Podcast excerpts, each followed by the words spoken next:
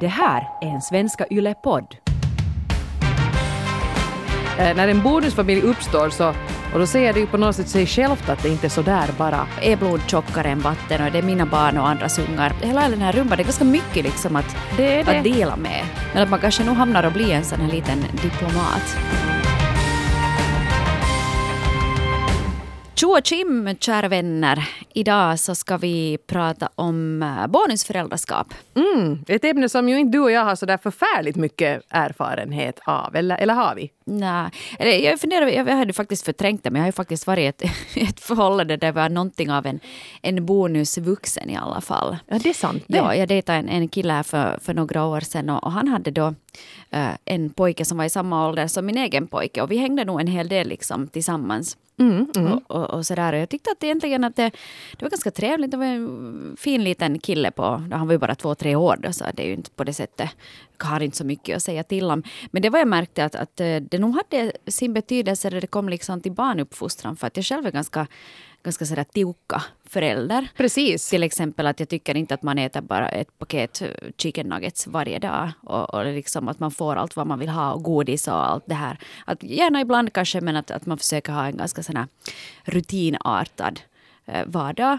Eller också att jag skulle aldrig lägga liksom en en tvååring och, och natta sig själv med Youtube. Det skulle jag inte göra. Och det gjorde han. Okej. Och så det är sådana grejer kanske som kan lite skapa skapa schismer. Vet du, att, att om den ena inte har riktigt några gränser och den andra har ganska eh, stränga gränser så då, då tror jag att det är svårt. För mina barn var ju så att "Nej, men han får, varför får inte vi? Det No, förstås. klassiska. Klart man tar får man- tillfälle i akt att hej mamma kolla. Ja, så så där kan man också göra. Så man var lite den där vet du, elaka styvmodern där. Inte la jag mig i. Jag tänkte att nå, den här farsan får väl själv bestämma hur han vill vara med sitt barn. Men, Men skulle jag ni sa- ha flyttat ihop så skulle det ju nog kanske ha blivit, om det skulle ha gått så långt. Ja, då, Ja. då, då de var hos mig så sa jag att "Nå, i mitt hus gäller mina regler. Ser du? Att, att här, här gör vi på det här viset, om inte passar så, så där är dörren. No, det sa jag inte, men, men andemeningen var det.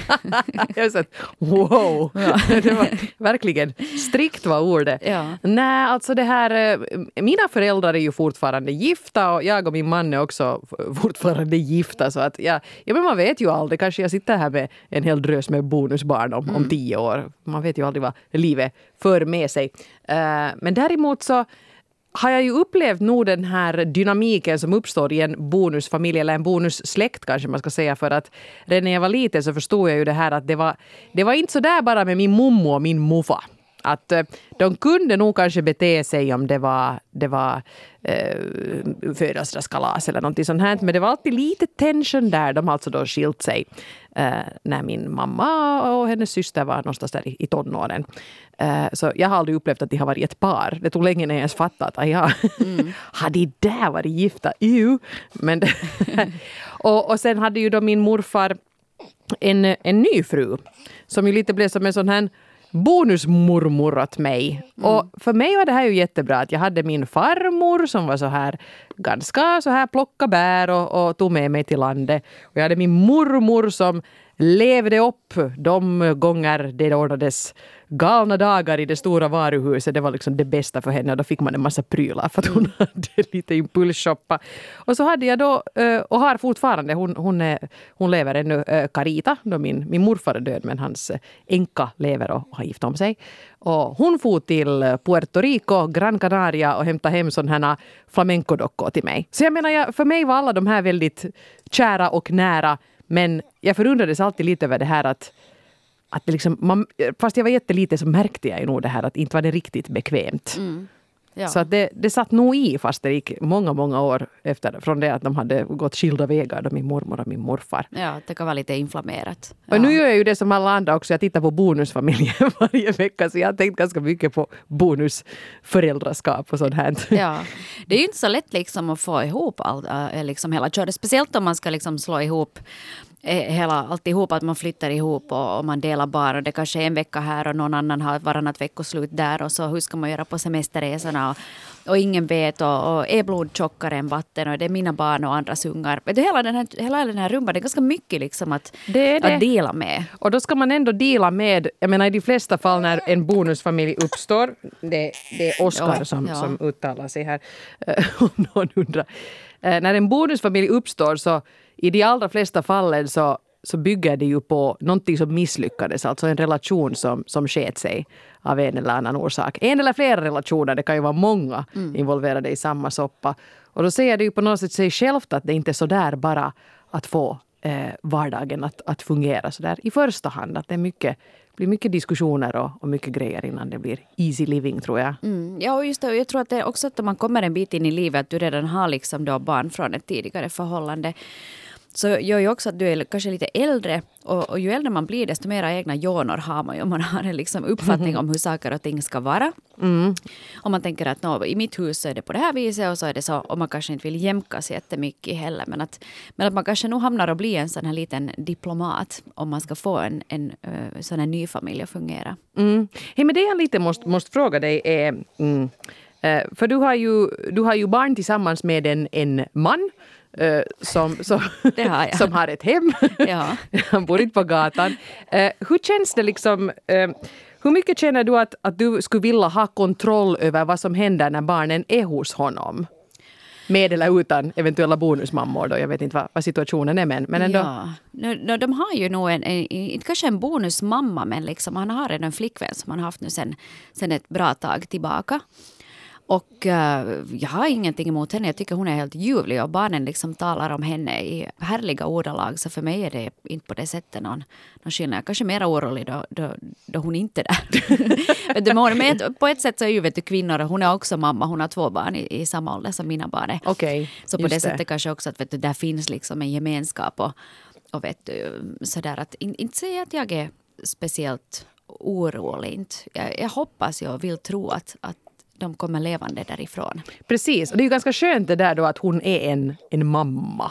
Ja. Men, nu, nu karikerar jag upp det här jättemycket och försöker sätta mig in i situationer jag aldrig har upplevt. Men om vi skulle ta ett sånt här jättestereotypt uh, scenario. Att min man plötsligt skulle hitta en sån här 20-årig variant av mig och säga att tjingeling nu, nu, nu flyttar jag ihop med henne istället.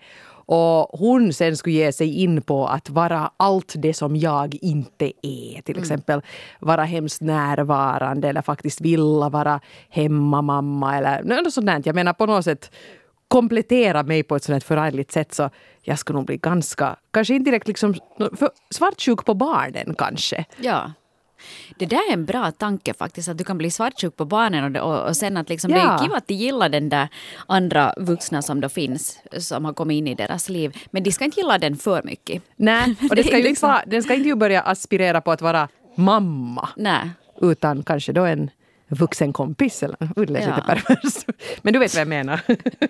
Ja, ja jag, jag hoppas att jag vet vad du menar Eva. Ja. Jag menar inte det. Jag menar det. Ja. Precis. Det är sant det där. Ja, ja. Kanske, man kan, kanske man kan bli liksom mera svart för jag menar åtminstone jag vet du, det är evigheter sedan jag och, och mina barns far gick skilda vägar så att, så att liksom där finns inget, vet du, något, att jag skulle vara svartsjuk på honom på något vis. Nej, Nej, inte vill ha honom tillbaka. Nej, tvärtom. men, men, men sant är det faktiskt nog att kanske att om de har haft jätte, jättekul tillsammans då med, med flickvännen och deras barn och de har alla varit ute vet du, till nå- till- i skogen och grilla korv. Och jag vet att jag skulle aldrig orka ta mina barn ut i skogen och grilla korv. För jag, jag bara, det finns inte inom mig. Så Ja. då kan jag kanske känna att ja, ja, där går de och vet du, är hurtiga och, och ger någonting som jag inte är kapabel att ge. Så där kan jag nog kanske förstå det, att man, att man blir lite sådär. Det är lite svider till. Lite svider det någonstans. Ja. Men det är inte så där att man liksom måste uppsöka läkare. Nå, nej, Är det en precis. sån sveda? Nej. Och, och sen är det ju förstås, är man en jättebjussig och generös människa så kan man ju också vända det till det att åh vilken lyx för mina barn att de får uppleva det här, här med mig som vi tycker är kul och så får de göra det där då som, som jag aldrig skulle erbjuda dem men de får det på annat håll. Finns det sådana människor som tänker så? Ja, nej, jag, jag kanske tänker lite så faktiskt. Nå, bra, Ja, fint. ja. Good for you. Hej, vad heter det? Vi har ju helt i vanlig ordning eh, efterlyst... eh, Nu skrattar åt Oskar här som, som vad heter det, kom upp Jo, från, från din barm. just det. Ja, vad heter det? Ja, vi har efterlyst eh, berättelser och erfarenheter ur folkets djupa rader även den här veckan. Hur det egentligen är att leva i eh, en bonusfamilj. Och eh, det har kommit in väldigt långa berättelser. Det har ju det, Så ja. Vi måste lite att- korta ner. Ja, det är lite svårt att beskriva liksom ett helt liv. Att varifrån har jag kommit och hur blev det så här och jadi jadi ja. Så, så vi ska väl eh, försöka på något vis eh, komprimera det lite så att vi kan diskutera de, de punkter som nu ändå verkar vara sådana som kanske har en tendens att skava. Absolut, vi skulle kunna göra det. En sak som, som alla de här faktiskt lite har tangerat är att de inte är så hemskt förtjusta i den här termen bonusmamma, bonuspappa, bonusförälder, bonusfamilj. Att den känns lite, lite på något sätt de känner inte att det liksom riktigt stämmer in på dem. Mm. Jag vet inte riktigt vad man ska använda. Ska vi ta den gamla elaka styvmodern till heders här från folksagorna? Men varför är styvmodern elak? Det kan ju hända att, att uh, styvmodern är en härlig person. Hon borde få en ny image nu. Ja. Det var bröderna Grimm som förstörde den. Sluta rapa nu, Oskar. Mysmodern. Precis, eller, mysmodern. eller så skippar vi det här med mamma eller pappa överhuvudtaget. Kanske den här vuxna kompisen som du talar om. Barnens mambo. Nej, det jag vet inte. Det är det där bonus, att det ska låta lite positivt i alla fall. Ja. Det är kanske det man har farit efter. Ja. Så vi säger nu så i den här podden. Mm. Eh, ska vi börja här med, med signaturen Mira39. I mitt hushåll lever en gullig liten tjej varannan vecka. Jag träffade henne ganska tidigt i förhållande och det var nog ingen dramatik med det. Barnet som då var 12 och nu är 15 var definitivt en stor nackdel för mig eftersom mina egna ungar redan hade blivit vuxna. Jag trodde inte jag skulle orka med tjejen och ville därför inte träffa henne så snabbt men så blev det nu i alla fall. Jag ser mig dock inte som en bonusförälder eller ens henne som en bonusdotter. Hon har två föräldrar och de får sköta grovjobbet. Det jag kan ställa upp med är att vara en vettig vuxen i barnets vardag och det funkar faktiskt ganska bra. Men jag njuter nog väldigt mycket då barnet är hos sin mamma och jag ser till att ofta göra långa arbetsdagar då dottern är hos oss. Tjejen är alltså helt underbar tills vidare. Man hör ju att det kan hända en del i puberteten. Men jag längtar efter den dag då hon fyller 18 och flyttar till eget. Jag skulle ogärna ha haft mina egna barn att hänga i knutarna efter gymnasiet och samma förväntar jag mig av dottern. Så summa summarum, allt har gått bra trots mina farhågor. Man måste komma ihåg att ingen situation någonsin är idealisk men nu hade det väl varit lättare om vi haft barn i samma ålder. Mm. Så skriver alltså Mira. Jag, jag förstår det egentligen väldigt bra det här vet du, att om du, dina egna barn har blivit vuxna och de har flyttat hemifrån och så träffar du någon så du hamnar i princip att backa tillbaks i livsskedet. Utan att man har valt det ja, själv? Ja, just det. Så hamnar du mitt i allt och tänker att åh vad skönt, att flytta hemifrån och får jag precis vad jag vill. Och sen mitt i allt så, så måste du få tillbaks, ah ja, nu bor det igen här någon. Ja, och så går vi, det, går vi här med gummistövlarna, galonbyxorna och ja. försvunna skridskor och försöker få ihop det. Ja. ja, det kan jag nog förstå att man kanske upplever en sån här, att det inte känns så jätte, jättekul. Nej, precis. Men det här med att, att um, jag tycker det kommer ganska klart fram här ändå att uh, Mira upplever att den här bonusdottern nu ändå kanske inte är helt guld. Alltså att vi har kiva som mm. människa men att, man, att det finns inte det där samma uh, bandet i den där Eh, bonusdottern då, på det sättet. Och det tycker jag är helt okej. Okay. Nej precis, jag tycker ju det låter helt förståndigt det här att inte försöka vara en förälder utan att vara en sån här vettig vuxen. Mm. Svettig vuxen höll jag på att säga. Det, absolut. Så jag tror att jag ganska bra förstår hur hon tänker här. Jag tänker också just det här med att, som hon skriver också här, att fast till exempel göra längre arbetsdagar då den dottern är där. Inte behöver man ju heller se det som att hon undviker den här uh, bonusdottern. Utan kanske man kan också se det att det är kul för, för farsan och far och dotter liksom att hänga på tumis. Att man inte alltid där vet du, och trommar in sig i varenda diskussion. En jättebra poäng. Det där tycker jag lite ibland jag har hört uh, bekanta tala om. Att det blir lite så här att man aldrig får liksom bara hänga med den där föräldern som har hittat en ny. Utan det ska hemskt bondas och lekas happy families. Mm. Och det är egentligen ganska onödigt. Uh, för det, det är skönt också att bara slappa. Mm. Ja, mm. just och bara vara liksom med, med den föräldern Precis. Som, som man inte har valt men den som man hamnar med. Och det som ju också kan hända lätt, som säkert du kan understryka, att om man är två föräldrar som skiljer sig och den ena har lite mindre tid med barnen, att man då blir den här kuliga partyföräldern som hittar på roliga jippon och evenemang och, och liksom det alltid händer någonting när man är hos pappa då till ja. exempel. Jo, jo men det, det, kan jag nog känna igen. Vet du, just att då far man ut och äter eller ja, man går på museer. Eller, eller vi går på köper hem sushi. Vet ja. du, Sen sitter man hemma där själv och försöker vet du, vara en kiva morsa där vet du, makaronilådsträsket. Men, vad, men om jag nu försöker kanalisera mig själv som uh, pre-teen eller vad man nu ska säga. Uh, så jo, jätteroligt att gå ut på restaurang och sånt men helst ville jag ju bara ligga på sängen och läsa böcker för det fanns inte smarttelefoner då. Eller sitta och spela på datorn och bara liksom slöa. Mm. Så att jag tror också det kan vara ganska tungt om, om de här veckosluten hos den här roliga föräldern är program från morgon till kväll. Ja. Och, Ja. och, och dessutom att man ska lite umgås med någon bonusmamma då som man nu kanske inte har riktigt den här helt avslappnade relationen till. Tack Mira för det där. Eh, Vi har ju faktiskt också fått nu här ett, ett, ett långt och jättebra brev skrivet på, på finska. Ja, Kul! Man får gärna skriva till oss på, på andra språk än svenska. Finska, man, svenska, engelska kan vi godta. Jag är inte så jättebra på, på resten av språken. Ja, nu går väl danska och norska också Ja, så här. ja. Kör på bara. Men det är alltså ett jättelångt brev här som har kommit in från eh, signaturen uh, Bonusmamman Höpinät. Ja. Och eh, vi måste kanske lite nu, nu ta ihop det här för att det är som sagt en, en lång berättelse men vi kan ju kort förklara i alla fall hur scenariot ser ut. Den här bonusmamman då som skriver in till oss, hon har alltså ett eget barn som är tio och eh, hennes partner har då två tonårsflickor. Precis. Och eh, hon säger att, att de flyttade ihop ganska tidigt och, och, vad heter det, och då var de här tonårsflickorna bara typ vartannat veckoslut hemma hos eh, den här bonusmamman då och, och det här tioåriga barnet. Och nu sen på senare tid så har de här flickorna börjat vara mera Eh, också i den här familjen.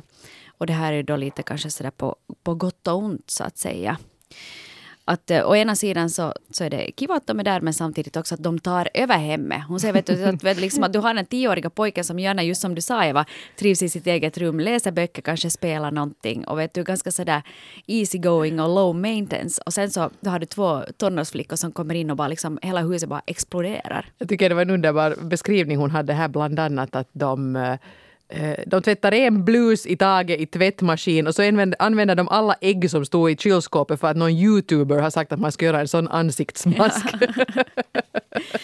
Ja. Ja, en och annan... hon är vän av ordning helt tydligt den här bonusmamman som har skrivit så det här kanske inte riktigt är hennes grej. Nej, precis. Eh, Jag får också väldigt tydligt en filis här liksom av att hon säger själv att hon är ganska eh, strikt med sitt eget barn, sin egen tioåriga son. Och att hon vad heter det, eh, har ganska ja, re, re, ordentliga regler. Att, och de här reglerna så finns inte i den andra familjen. Nej. Att för de här tonårsflickorna det sen så är saker som att eh, hemkomsttider, meddela var du är, tvätta händerna när du kommer hem eller börja laga mat. Sådana här saker. Så det finns inte i deras verklighet. Och att, att hon upplever att det är ganska jobbigt att hela tiden vara den som tjatar och gnäller och säger och sådär. Medan deras då ligger på soffan och typ eh, inte bryr sig desto mera. Sen skriver hon också det att fast i all min, eh, vad ska vi säga, tiukkuudessani, alltså fast jag är strikt så har jag på något sätt ändå kunnat väcka ett förtroende hos de här barnen. Till exempel när den ena flickan började dejta när hon var 16 år så berättade hon hellre om det till mig än till sin pappa och bad att jag skulle berätta till honom. Och hon nämner också att, att hon tycker att det som ger henne är mest belönande är när de här flickorna ser det som en självklarhet att hon ska vara med på sådana skolavslutningar eller kanske konfirmationer och sådana här tillställningar. Att det liksom, de inte ser det där att, att, att hon inte skulle vara välkommen för att hon är en sån här överloppsperson i deras liv. Det är fint. Och det är ju fint och säkert under flera års lopp också att man, att man har skapat den där den där, det där förtroendet. Och kanske det, kan, kanske det kan finnas någonting sånt också. Vet du, att om du ändå är en kvinna och där är tonårsdöttrar, att kanske det är lättare ändå att prata då med, med den här bonusmamman i familjen om, om till exempel att dejta eller mens eller vad det nu sen kan vara än att man går till farsan så att hej, att kan du köpa hem lite bindor åt mig. Sen tycker jag nog faktiskt, det är så skönt när ni är så ärliga när ni skriver till oss. Så här avslutar bonusmamman sitt brev. Jag tycker förstås om min mans barn, men det är nog ändå slutligen så att de känns lite främmande. Och nästan varje gång då de flyttar över till sin mamma igen, då drar jag en lättnadens suck och köper en flaska vin för att belöna mig själv för att jag har klarat av ännu en vecka. Yay! Plopp! ja, men det tycker jag det är helt välförtjänt faktiskt. Ja. Eh, tack för det här brevet och jag hoppas att vi ska kunna översätta och lägga ut en lite längre version av det här intressanta brevet på, på nätet för att här var många bra poänger som säkert många av er känner igen er i. Jag, jag måste bara inflika en sån grej att vi lägger ju alltid ut brev i en artikel och då är det fritt framför er att fortsätta diskutera om ni vill. Det Mm. finns ju ett kommentarsfält alltid under de här artiklarna. Så tycker ni att någonting blev osagt eller ni vill tillägga någonting eller berätta er version av ett motsvarande scenario så kommentera gärna de här artiklarna. Kul att höra vad ni, vad ni tycker. Mm, och man kan också alltid förstås mejla oss på det. relationspodden yle.fi när helst man vill. Och man är alltid helt anonym oberoende vilken väg man närmar sig oss. Absolut. Eva, jag skulle vilja ännu prata lite om en sak som jag tycker flera av de här har, har, alltså berättelserna har ändå har, har insinuerat. Och också den här bonusmamman skrev lite om det här med, med regler. Mm. Och, och liksom att hur ska man tänka där? För att eh, om, om vi ser då att här att, eh, att den, hon säger just att hon är ganska strikt med sina barn och sen den här mannen har inte egentligen, om man, den här mannens exfru, att de har inte några regler alls. Att hur ska man liksom få ihop det? För det, inte, ingen tycker det är kul att alltid vara liksom den där som gnäller och tjatar. Men samtidigt om du delar hem så, så vill du ändå att det ska finnas en viss ordning. Får man liksom lägga sig i den andras barns eh, uppfostran? Eller, Ehm, eller ska man bara liksom back off? Jag vet inte. Alltså nu är det nog ändå kanske på något sätt de här biologiska föräldrarna som måste ha liksom huvudansvaret för de här barnens uppfostran. Men just i en sån här konstellation var man har egna barn och sen bonusbarn, då måste man ju nog kanske bara komma överens om att i det här hemmet gör vi så här och vad ni sen gör när ni är hos er biologiska mamma, det lägger jag mig inte i. Eh, Men nu måste man ju få liksom sätta regler i sitt eget hem. Nej, jag tycker det, ja. Inte skulle jag heller åtminstone vilja att någon, om jag ponerar att det skulle flytta in något barn i mitt hem mitt i allt, det kommer nog aldrig att hända för jag ska kämpa emot det in i det sista. Men Men inte det är ju egentligen konstigare. Nu har man ju också som barn, fast, fast det inte var ett sånt här upplägg, så nu har jag ju förstått att det gäller vissa regler hos farmor och farfar. Det Ja. gäller vissa regler hos några bekanta som man kanske övernattar hos. Och inte tror jag nog att barnen egentligen tar någon som helst skada av det, utan de anpassar sig ju nog. Mm.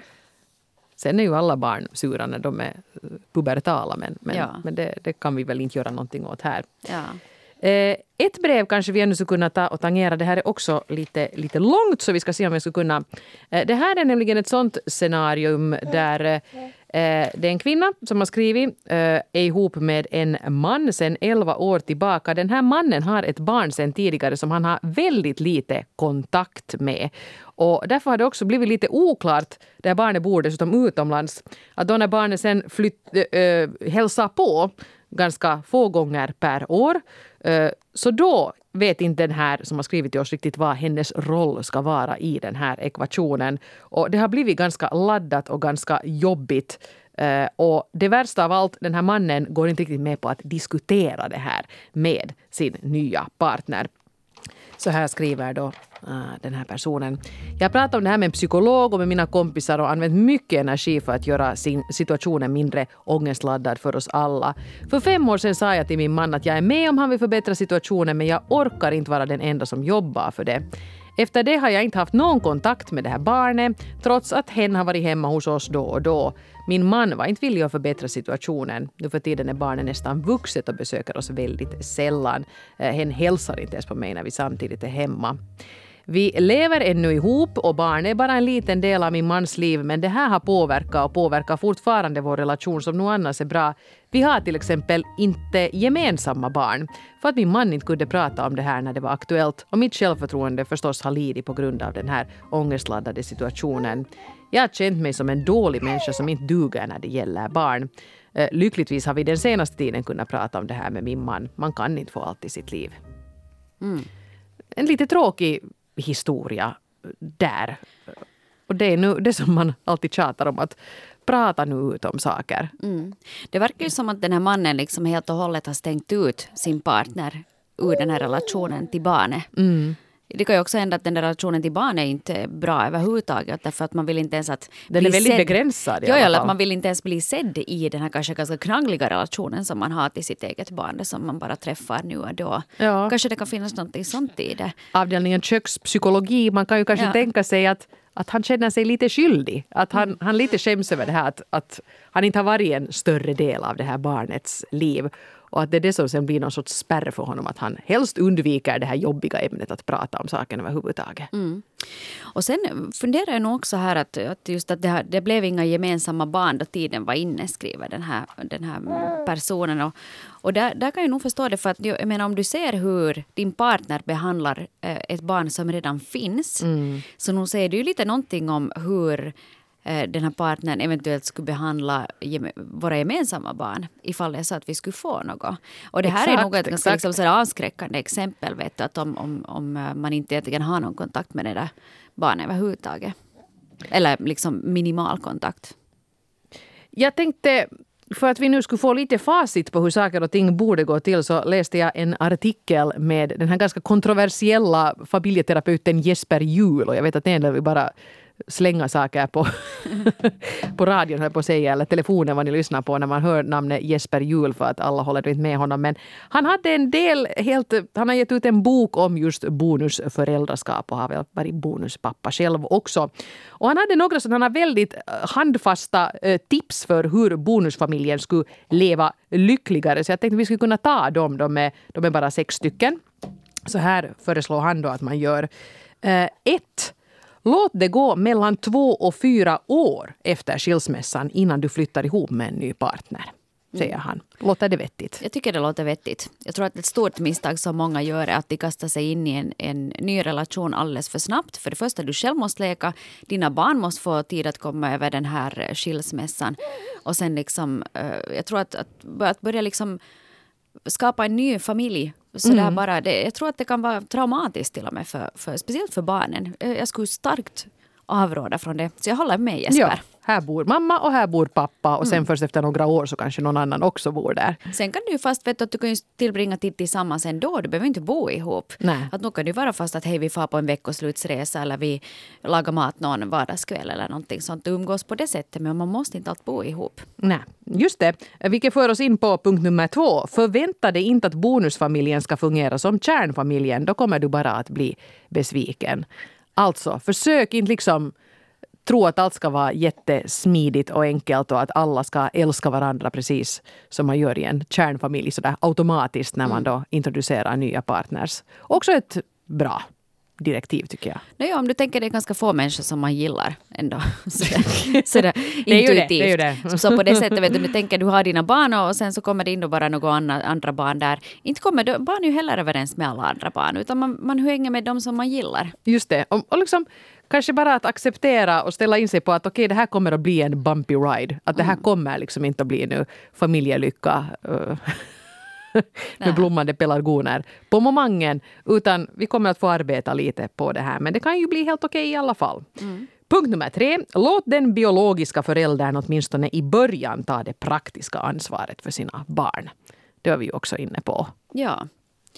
Mm. Ja, där, där, just att man, att man verkligen liksom tar också sen det där ansvaret. För sen är det det att eh, ofta kan ju en sån här bonusförälder kanske känna att man behöver kompensera och vara jättekiva och göra tjänster och passa upp. Vet du, bara för att förtjäna den där kärleken på något vis. Och det kanske, då kanske man gör sig själv en stor björntjänst. För mitt i allt så är du butlern till hela släkten.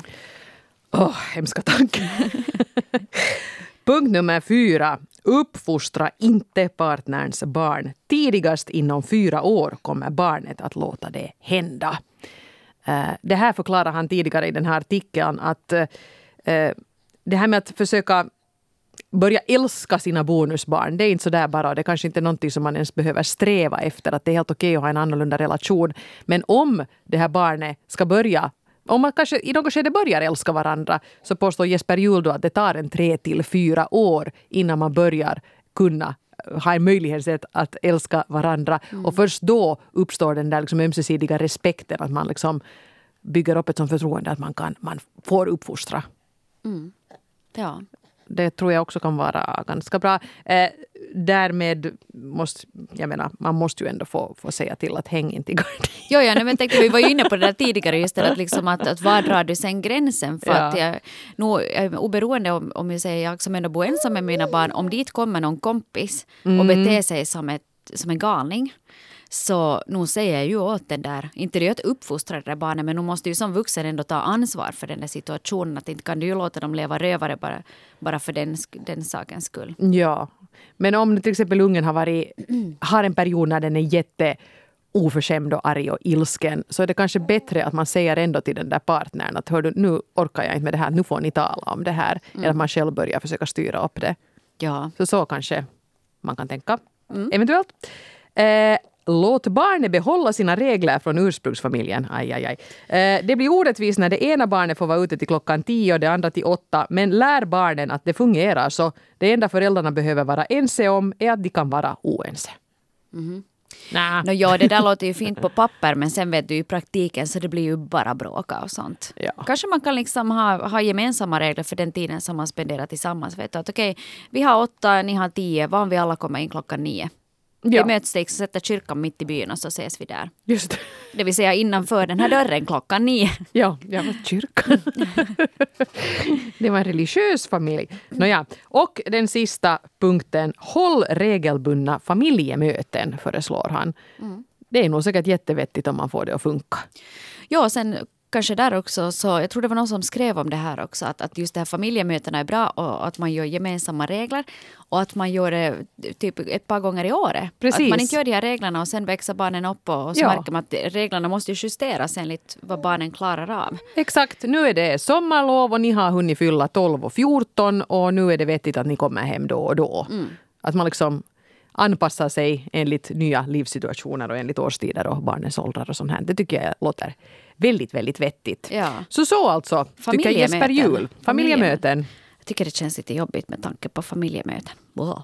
Men, Ja, men, Men är, det, det är det kanske ett sånt nödvändigt ont? Ja, att kanske kanske det är ändå det. skulle vara bra att Ja. bita ihop och säga att nu gör vi så här. Ja. Istället för att gå omkring och vara sur på att de gör så dumt där på den andra adressen. ja, det är sant. Ja. Familjemöten.